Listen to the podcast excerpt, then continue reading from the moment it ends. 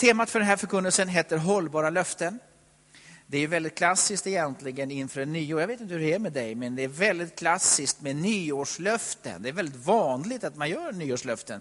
Jag vill inte riktigt, eh, jag kan ju naturligtvis fråga Nej, jag struntar i att fråga. Du får räcka upp handen inom dig. Men hur många som har ehm, liksom, eh, avgett ett nyårslöfte någon gång? Nästan alla skulle räcka upp handen om jag säger, har du någon gång avgett ett nyårslöfte? Så tror jag majoriteten skulle räcka upp handen faktiskt. Eh, och då kan det vara eh, eh, löften som har att göra med väldigt många olika saker. Ja, det här året ska jag, det här året ska jag liksom simma man ska träna och man ska äta lite bättre mat och man ska försöka ta mera kontakt med faster Agda och moster Simonsson eller vilka det nu är. Och, eh, och, och, och, och det här året så ska jag ta itu med den där utbyggnaden eller rensa upp de här pärmarna och så vidare. och så vidare. Nyårslöftena bottnar egentligen i en önskan om förändring. Det är det det handlar om. Man är inte riktigt tillfreds med någonting utan man vill förändra någonting. Så nyårslöftenas djupaste eh, eh orsak är ju önskan om förändring. Vem vill se sig själv? Vill du sitta nu? Tro mig, snart är vi på nyårsafton 2010. Det är, det är alldeles strax är vi där. Eh, eh, det är bara en tidsfråga. Eh, och så vill du då vända dig om och tänka skräp också. Det blir precis likadant det här året också. Alltså hur kul är det på 1 till 10? Utan nej, nu vill vi ha någon förändring alltså. Och nu är det dags för förändring. Samtidigt som det är så, så är vår erfarenhet Kanske att de flesta skulle räcka upp handen, någon, några mindre händer, om jag skulle säga alla de här nyårslöftena som du har gett, har du hållit dem? Hur är det? Då skulle jättemånga säga, åtminstone de ärliga, upp med nästa tass och säga Nej, jag ger samma nyårslöfte varje år. och I förhoppning om att karaktären ska bli bättre. Eh, eh, problemet är ju det att vi kan många gånger inse att vi håller inte våra nyårslöften Därför att vi inte är riktigt fullt ut pålitliga. Jag litar inte på någon, minst mig själv. Som någon sa. Eh, därför så ska vi gå till lite djupare saker nu. Vi ska inte bygga våra liv på våra egna nyårslöften. Vi ska inte bygga det på andras, framförallt inte andras nyårslöften. Det är valår snart, eller hur? Eh, eh, ska vi sätta våra, löften, våra förtröstan på politikernas löften? Jag gör det inte. Jag sätter det på någonting djupare, på Guds ords löfte. Gud är trofast och han har gett dig och mig rätt fantastiska löften faktiskt som är totalt relevanta 2010. Det vill jag att du ska fånga. Det vill jag fånga själv. Jag bestämmer mig för det här året. Nu får det vara nog med leken. Det här året, oj oj oj. Nu gäller det att ta, ta tag i Guds löften vilka löften talar vi om? Det är gigantiskt många. Vi hinner inte ta mer än några väldigt viktiga, känt för att säga. Eh, och vi ska ställa oss frågan, kan jag verkligen lita på de här löftena? Okej. Okay. Gud är trofast. Halleluja. Fader, jag ber än en gång, be, jag ber till dig för den som lyssnar på den här förkunnelsen.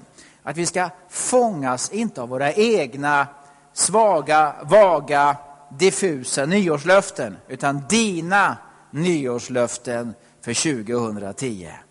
I Jesu namn jag ber. Amen. Det kommer andas tro hoppas jag här. Gud, kan vi lita på Guds löfte? Jag ska bara säga några korta minuter om det, så ska jag ta upp några löften. Absolut. Varför? Huvudfrågan i någonting är ju egentligen vem som ger ett löfte. Om någon ger mig ett löfte om någonting, så trovärdigheten i det löftet beror ju på vem som ger mig löftet. Okay.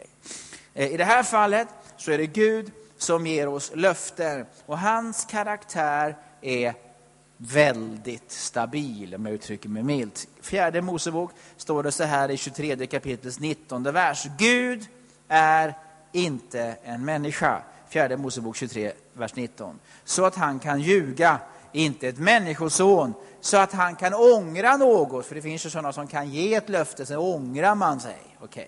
Skulle han säga något och inte göra det, tala något och inte fullborda det, det vill säga om du fångar ett löfte som Gud har gett dig så kommer han att stå för det löftet.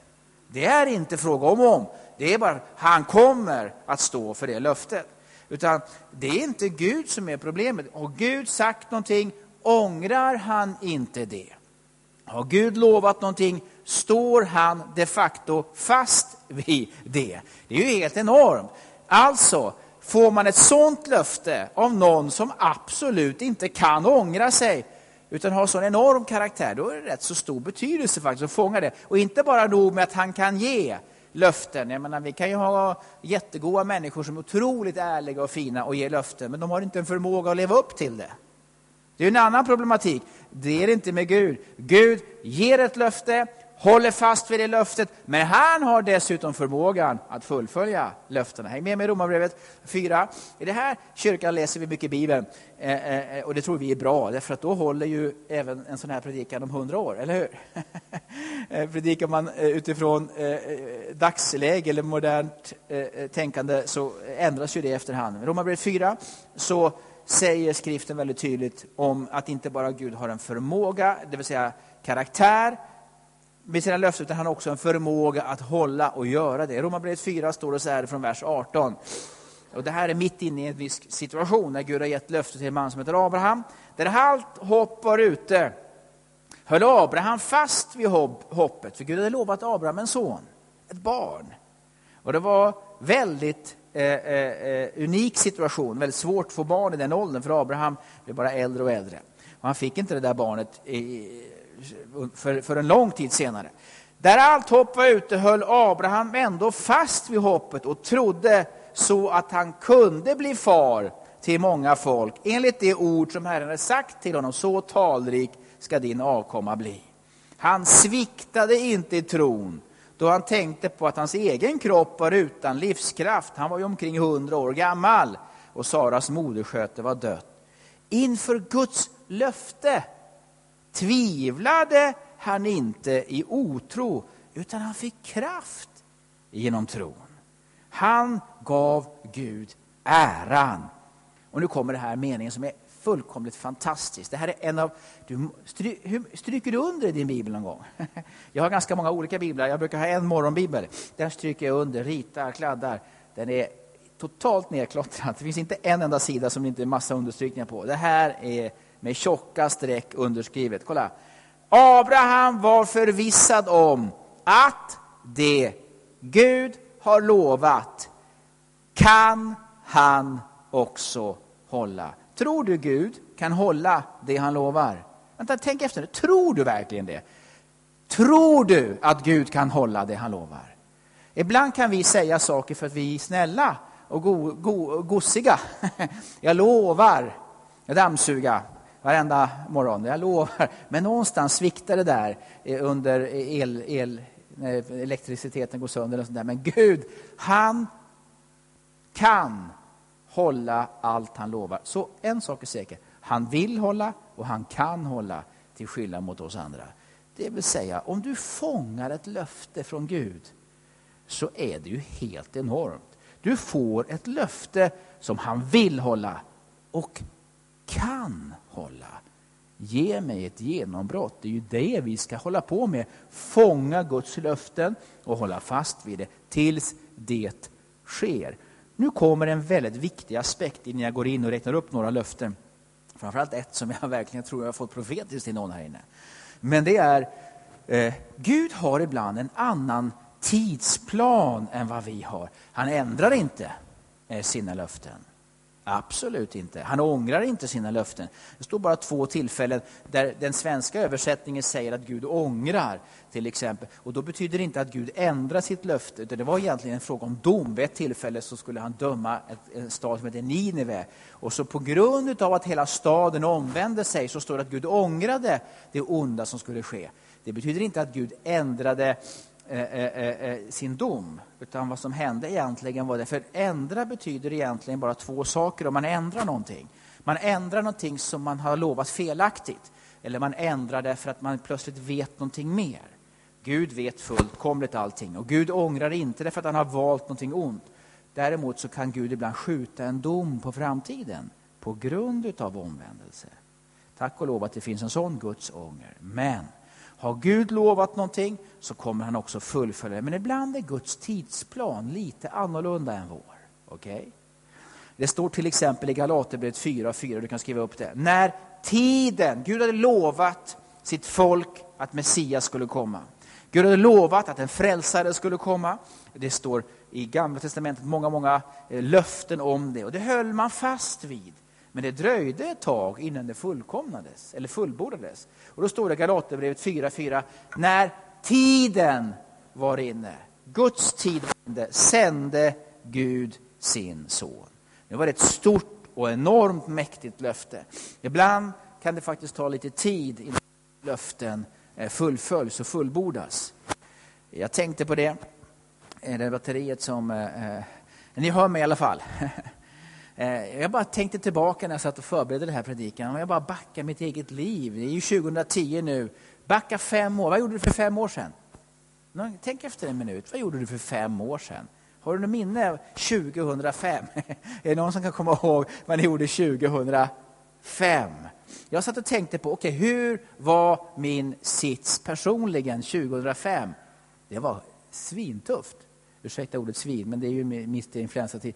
Eh, alltså, eh, jag vill inte grisa ner det för mycket med en massa dåliga bilder, så, men, men eh, det blir lite mer knorr i vissa bilder. Eh, men i alla fall, eh, för fem år sedan så eh, var det väldigt tufft, tycker jag, för mig, för min egen del. Det var tufft i min familjesits, eh, där det fanns en, en, en, en, en stor problematik. Det var tufft i min arbetssits. Eh, jag hade inget arbete för tillfället då. Det var tufft på väldigt många olika plan. Det är någonting som jag hade byggt under många år, hade raserats.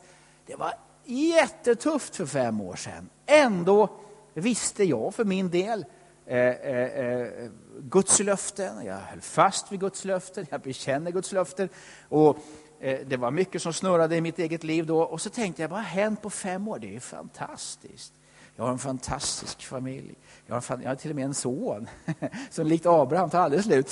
Eh, eh, eh, och jag har en fantastiskt hem jag har fått. Och på område efter område efter område har Gud gett det jag egentligen vill ha på en gång på en gång. 2005 sa jag, Gud, jag behöver det här nu. Men det finns en tidsplan. Och det finns en timing som det är väldigt viktigt att komma in i. Och jag vill säga det till dig. Du längtar kanske efter olika ting, du, tror att du, du tycker att du har behov av olika ting. Det, men du har inte fått det än. Släpp inte tron på det. Jag kommer att komma i slutändan på detta. Hur ska vi se löftena fullbordade? Jo, det är att vi inte släpper tron. För tro handlar ju om att motta. Bara den som tro är egentligen att sträcka ut sin hand och vara beredd att ta emot när Gud i rätt tid ger dig saker och ting. Okay? Därför är problematiken egentligen den, vi tappar tron på att löftena ska fullbordas i våra liv eller i våra sammanhang. Men när tiden var inne kommer Gud att uppfylla sina löften för dig. Varför det? Därför att han vill uppfylla dem. Två, han kan uppfylla dem. Men du och jag ska vara mottagliga för dem också. Det är oerhört viktigt. Vi ber ibland, gode Gud, ge oss 500 nyfrälsta människor. Gode Gud, ge... Alltså, och så, man kan be om massa saker. Problemet är att får vi det på ett oförberett sätt så tappar vi 499 av dem. Eh, tar vi emot eh, eh gåvor från Gud? Om jag skulle ge min son Amos, som inte ens är ett år, om jag skulle ge honom en bil nu. Det skulle inte vara roligt, det skulle vara fel. Det, det, han skulle inte kunna hantera det. Ska vi ta den där micken istället? Så. Eh, tack. Eh, bra. Jättebra. Okej, okay, så löftena är trovärdiga därför att Gud har gett det. Men vad är det då som Gud lovat dig och mig för 2010. Det är ingenting jättenytt jag vill säga, men det är någonting som jag tycker är fantastiskt. Och jag vill börja med det absolut mest fantastiska som finns, nämligen, nämligen syndernas förlåtelse. Det är underbart. Det står så här i första Johannes 1 och 9. Om vi bekänner våra synder är han trofast och rättfärdig så att han förlåter oss synderna och renar oss ifrån all orättfärdighet. Eh, någonstans kan man ibland bli bortskämd med vad är det unika? Vad är det unika med Gud? Han kan förlåta synd. Det finns absolut inte ett enda ställe i den här staden där du kan få din synd förlåten annan, annat än hos Gud. Du kan få precis allt annat. Du kan få bättre fika, finare julgrad, i alla fall med fler kulor i. Du kan få, eh, eh, ja knappt, men no, du kan till och med få bättre musik och mycket bättre tal. Du kan få all bättre gemenskap, bättre, allt bättre. Men syndernas förlåtelse, det kan ingen annan ge än Gud. Tänk att vi kan få syndernas förlåtelse. 2010 ska vara ett år då din synd eh, ska förlåtas, all orättfärdighet kunna renas eh, eh, i ditt liv och i mitt liv. Jag vill bara säga till dig, gräv inte i gamla synder. Jag möter människor som ibland gör detta i sina egna liv och sen i andras liv. Alltså, gräv inte. Jag vill inte höra om dina synder. Har du inte bett om förlåtelse? I så fall så får du väl gräva i dem. Men alltså, bekänn dem och låt dem utplånas. Det finns bara två, Eh, eh, två krafter som är intresserade av gamla synder. Ett, de onda andarna. Två, religiösa människor. De är intresserade av gamla synder. Och det har att göra med att man vill, de får makt. En människa som inte släpper sitt gamla liv eller sina gamla misslyckanden eh, kan onda krafter få makt över. Eh, genom falsk skuld eller religiösa människor. Det är förlåtet. Bekänn din synd, det är förlåtet. Det är förlåtet. Och jätteviktigt med vän. bekänn din synd, det är förlåtet. Okej. Okay. Så det första och det mest relevanta av alla löftena, det är min synd är förlåten. All min orättfärdighet är renad i Jesu blod. Underbart. Underbart. Så när människor kommer och påpekar gamla saker så vet jag ingen aning om vad du talar om. Det, får du, det har jag gett till Gud. Det får du ta med Gud. Okej. Okay. Det där vet vi. Det där ska du bekänna. Men, och nu kommer en väldigt viktig sanning. Och följ med mig till Lukas 10. Det handlar om, och det här ska du ta till dig min vän. Och jag ska tala lite en stund om hur vi ska ta till. Vi ska ju fira nattvard här alldeles strax. Men jag vill att du ska ta till dig detta. Vad är behovet av? Varför behöver vi eh, en förlåtelse i våra liv? Och därför att vi faller. Därför att vi låter ondska på olika sätt komma in i våra liv. Men Gud vill att du och jag ska leva ett segrande liv. Seger över mörka krafter. Jag vet inte, ibland brukar jag ta den här bilden, det kanske är haltande naturligtvis, men det, det, det läcker lite för mycket eh, i våra liv. Förstår ni att det läcker? Man måste fylla på med så mycket, det läcker väldigt mycket. Och min vän, du och jag, vi ska leva i större seger 2010 emot onda krafter. Och jag vill verkligen säga det tydligt till någon här. Du och jag, vi ska på ett alldeles speciellt sätt leva i seger mot onda krafter. Följ med mig här, ni har hört mig läsa det här bibelordet förut, kanske Lukas 10, eller så har du läst det själv, vers 17. Det handlar om hur Jesus skickar iväg lärjungarna, eh, 72 lärjungar i det här fallet, Eh, eh, med ett uppdrag. Och så står det, de 72 kom glada tillbaka, vers 17, och sa, Herre, till och med demonerna lyder oss när vi uttalar ditt namn. När lydde de onda krafterna? Jo, när vi uttalar. Vad är uttala? Det är tala ut. Vems namn? Hans namn. Han svarade, ja, jag har sett Satan slungas ner från himlen som en blixt. Ja, säger Jesus, jag har gett er makt. Det är ett löfte för 2010. Jag, säger Jesus, jag har gett er som är mina lärjungar makt. Makt att trampa på ormar och skorpioner och det är ett uttryck i Bibeln för demonisk aktivitet. Och jag har gett er makt att stå emot fiendens hela styrka. Och ingenting ska skada er. Det är enorma löften. Ge mig ett genombrott. Det vill säga, du har som lärjunge till Jesus Kristus fått ett enormt löfte. Nämligen att du har fått en delegerad makt och auktoritet av honom. att faktiskt stå emot fiendens hela styrka. Hela paletten av hans arbete. Jag ska nämna några olika specifika saker. Du som brottas kanske med ett ont begär eller ett negativt begär, ett, ett mörkt begär, vad det vara må. Vet du om en sak? Jesus säger till dig, du kan när du talar ut mitt namn. Stå emot det. Därför Gud säger, 2010 ska inte bli ett haltande år för dig, det ska bli ett renhetens år för dig.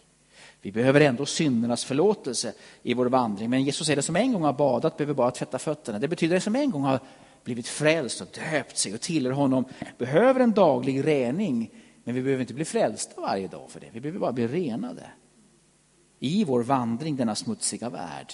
Jag vill säga till dig, du som brottas med, om det nu är orenhet på det sexualmoraliska området eller om det är eh, droger eller vad det än är.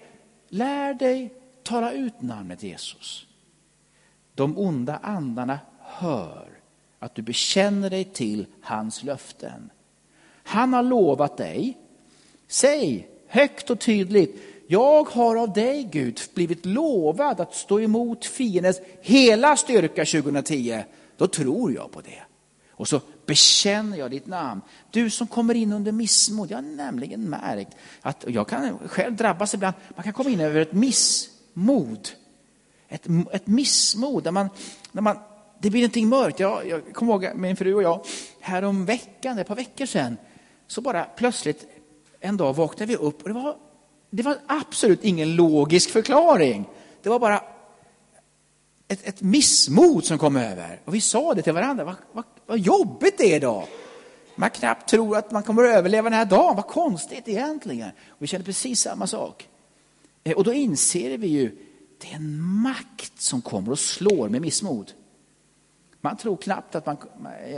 Upp i sängen kommer jag ju, för jag är ju en sån här människa som vaknar så hemskt tidigt. Och jag är kanske lite annorlunda. När jag får sova till klockan sex eller halv sju en morgon, då känner jag bara, när jag vaknar, yes, jag har fått sova till klockan sex.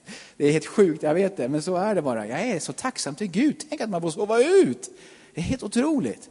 Eh, eh, eh, och jag vill inte ta en massa sömntabletter och allting sånt där. Det, det, det, tycker jag är sjukt. Jag fördömer ingen som gör det, men det, någonstans är det liksom inte tänkt så tror jag. Men i alla fall. Så, missmod, stå emot. Tala ut. Jag vill inte ha missmod, jag vill ha jättemod. Jag vill ha glädje. Dessa tecken ska följa den som tror. Vet du vad? Guds rike består inte av massa mat, dryck och sånt. Det består av glädje, frid och rättfärdighet i den helige Ande. Att vara glad, det innebär inte att man alltid måste skratta. Men lyckan kommer och lyckan går, men den som har en tro på Gud har en glädje som består. Du har en rättighet till glädje, faktiskt. En sann, äkta glädje. Och kommer du in under missmod så kan det vara en andemakt som slår dig. 2010 ska inte vara missmodets år, det ska vara glädje. Vi är glada. Jag är glad. Men det finns, det finns skäl att vara glad. Varför det? Jag har fått min synd förlåten. Jag har fått den vackraste fru man kan ha. Jag har fått en son som är underbar. även om han är lite mullig och alla säger att den liknar mig. Jag älskar honom ändå, eller hur? Okej, okay. det där går över med tiden. Kanske, förresten vet jag inte. Men okay. Eh, onda tungor kanske slår dig. Du kanske upplever att människor talar illa om dig. Eller du tror att människor talar... Vet du vad? Stå emot det.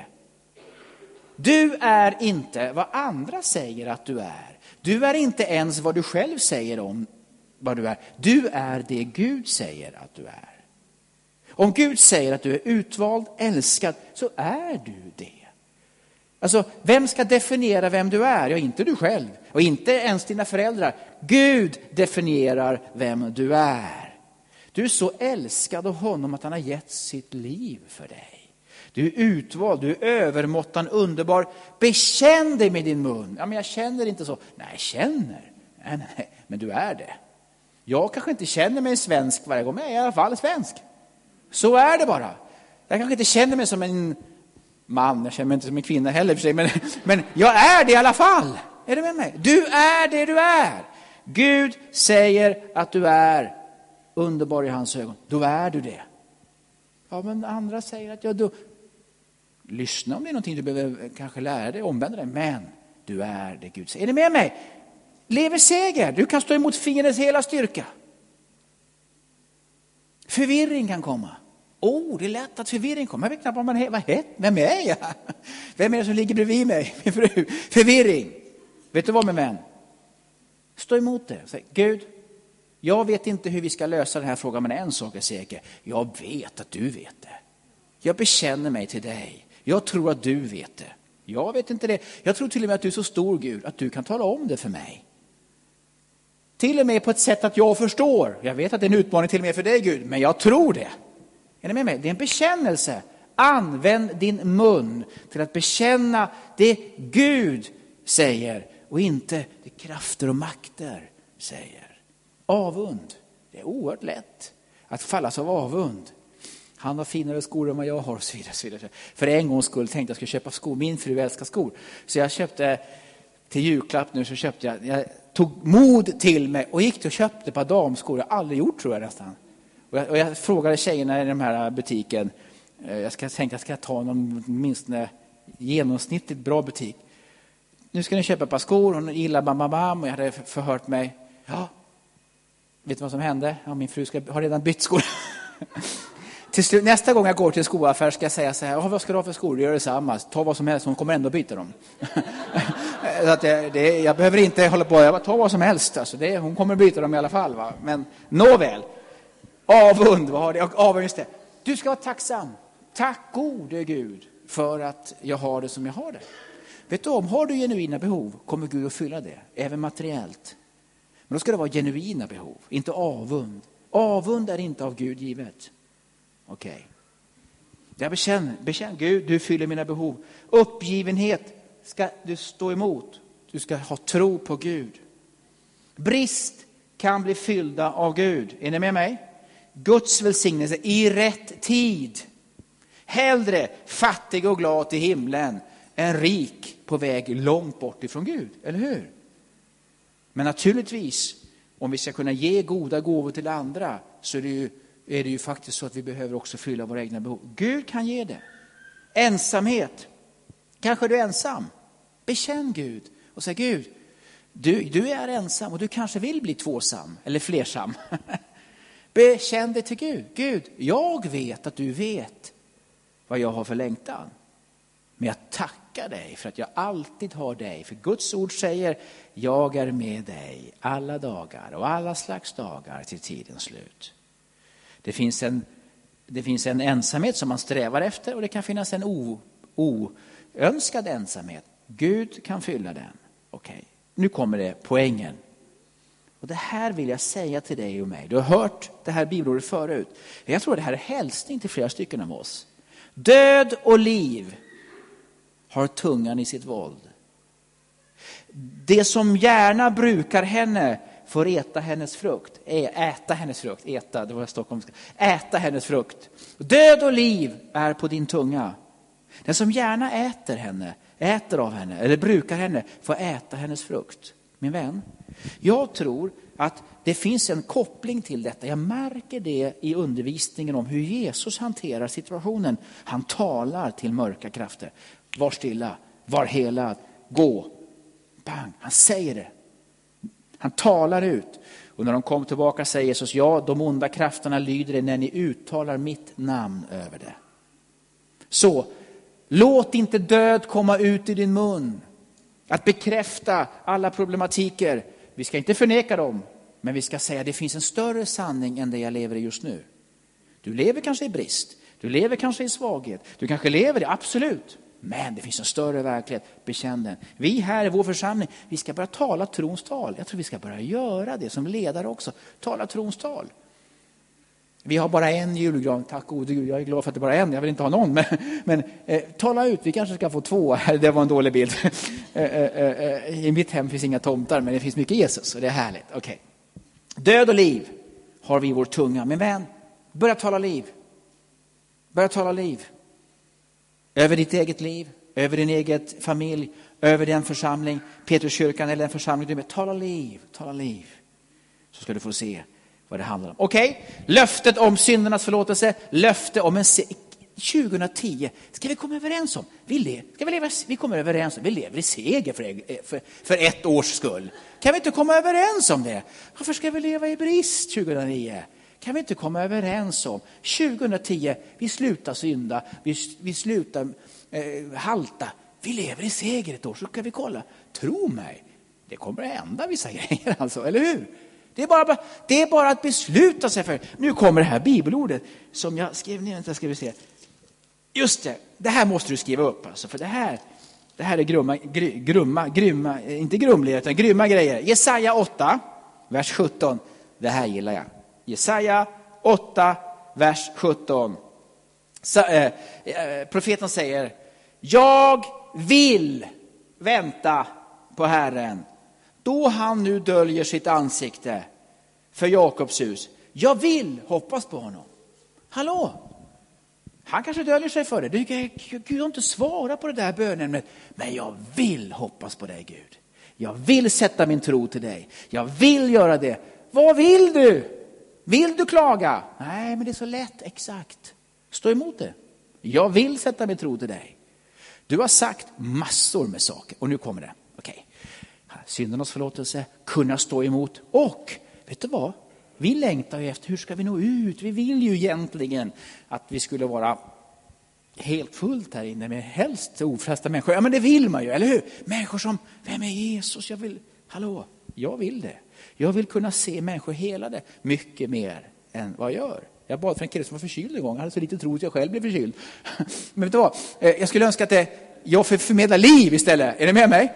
Så, då säger faktiskt, och det här kom till mig så starkt. Okej, okay. ni skall få kraft när den helige ande kommer över er kraft att få vittna om mig. Följ med mig till Apostlagärningarna 1.8 ska ni få se. Vi ska inte hålla på och syssla med massa evangelisation eller mission i, någon egen kraft. Det blir inget bra. Det är bara jobbigt. Och hur många har inte, jag har varit med på jättemånga kampanjer hit och dit. Det slutar bara med att alla är trötta ungefär på samma punkt som vanligt. Det måste ske i någons kraft. Apostlagärningarna 1.8. Jag är lite taggad här, men jag ska sluta nu. Jag vet, vi har nattvard och alltihopa. Men Apostlagärningarna 1.8 står det så här. Ni skall få kraft när den heliga ande kommer över er och ni ska vittna om mig.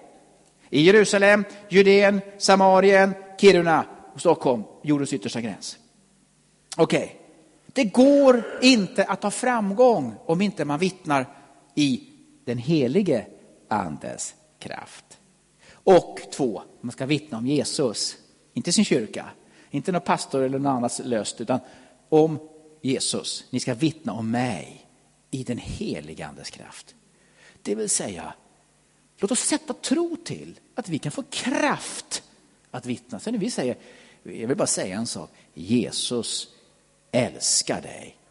Mamma, oh yeah. För ibland kan det bli töntigt. Har ni varit med om det när man har vittnat? Det känns så töntigt. Så, Gud är snäll, man känner liksom, oh, man, oh, orden orkar knappt ut ur munnen, det blir, så, det blir så fel. Sen ibland känner man, när man bara talar, Gud älskar dig. Det är kraft. Har ni varit med om det ibland? Och man säger samma sak. Ibland är det som att, ja det är det här man ska säga och så blir det bara töntigt. Och ibland är det, boom, kraft. Ni ska få kraft när den helige ande kommer över mig och ni ska vittna om mig. Jag längtar efter det. Jag längtar efter att vi i den här kyrkan, inte på grund av vår makt, eller styrka, eller skicklighet, eller jättevackra ballonger, utan i den helige Andes kraft. Pang! Så är det liv. Och vet du vad? Det som kan ta tusen år i förberedelse kan ske på tusen minuter. Jag tror det. Fem minuter, 25 minuter. Så kan Gud öppna dörrar.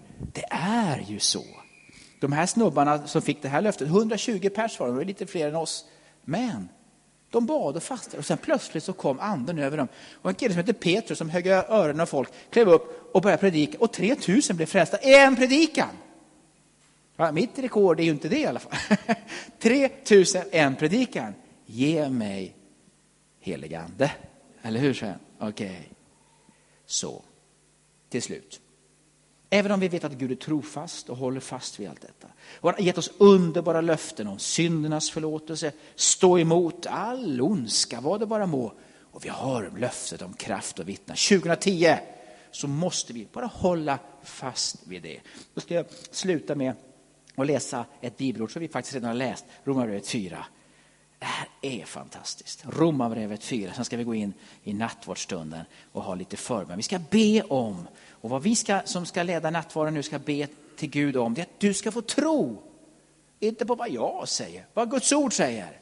Vad Gud lovar dig 2010. Och skulle jag vara en djävul så vet jag exakt vad fienden vill komma åt. Det är din tro. Sluta tro, sätt tappa tro, tro på dig, tro på löftena och börja resonera istället. Skulle då Gud ha sagt? Nej, nej, nej, nej, nej, nej. Så börjar Satan. Han tog direkt bort vad Gud har sagt, för han vet om du och jag håller fast vid vad Gud har sagt, och hjälp, då är det seger. Det är därför Jesus säger när han blir frestad, det står skrivet. Det står också skrivet, jag vet vad min fader vill. Bam! Nej, nej, nej, nej, nej. Jo, nej, jo. Nej, till slut blev Jesus trött och sa gå ifrån. Och då lämnade det. Ibland så talar han rakt ut till rema. Okej. Romarbrevet 4, vers 20, vi slutar vi med det. Inför Guds löfte tvivlade han inte i otro, utan han fick kraft genom tron. Hur ska vi få kraft 2010? Jag tror att det du har sagt är, stämmer. Det ser inte ut så, det känns inte så, men jag tror det. Jag väljer att tro det. Oj, nu får jag kraft. Nu får jag kraft. Men börjar tänka förnuftigt eller börjar tänka på att titta på andra och så vidare. Oj, då börjar det gunga. När jag har hört det här, jag tycker det är så bra bara. Alltså ser man på andra blir man förvirrad, ser man på sig själv blir man förtvivlad. Ser man på Guds ord så får man förvandling, kraft, kraft. Jag tror det, jag tror det. Jag väljer att tro det. Okej? Okay? Och jag är förvissad om, Gud, att det du har lovat, det är du mäktig att hålla. Gud älskar när du säger så. Gud säger, bra Andersson, Pettersson och Lundström. Yes, jag tror han är mer personlig. Bra Amos, bra Alexander, bra Erik, bra Emil, och mina söner här. bra, bra. Yes, jag vill att du ska tro. Och ju större under jag ska göra med dig, ju större utmaning kanske du får möta. För den som har fått vara med om stora, märkliga under, det är ju inte oftast den som har gått en sockersöt, liten enkelt liv. Flera stycken av er inne, nästan alla här inne har gått igenom ganska tuffa saker faktiskt. Skulle jag sätta mig ner och intervjua flera av er så skulle ni kunna vittna om grejer som är rätt tunga. Ändå sitter du här därför att du har en tro på Gud. Den tron ska höjas och ökas. Och Gud ska börja göra under. Ska vi komma överens om det? Okej? Okay? 2010, slutar vi synda. Nu lever vi i seger. Två, vi tar emot tro.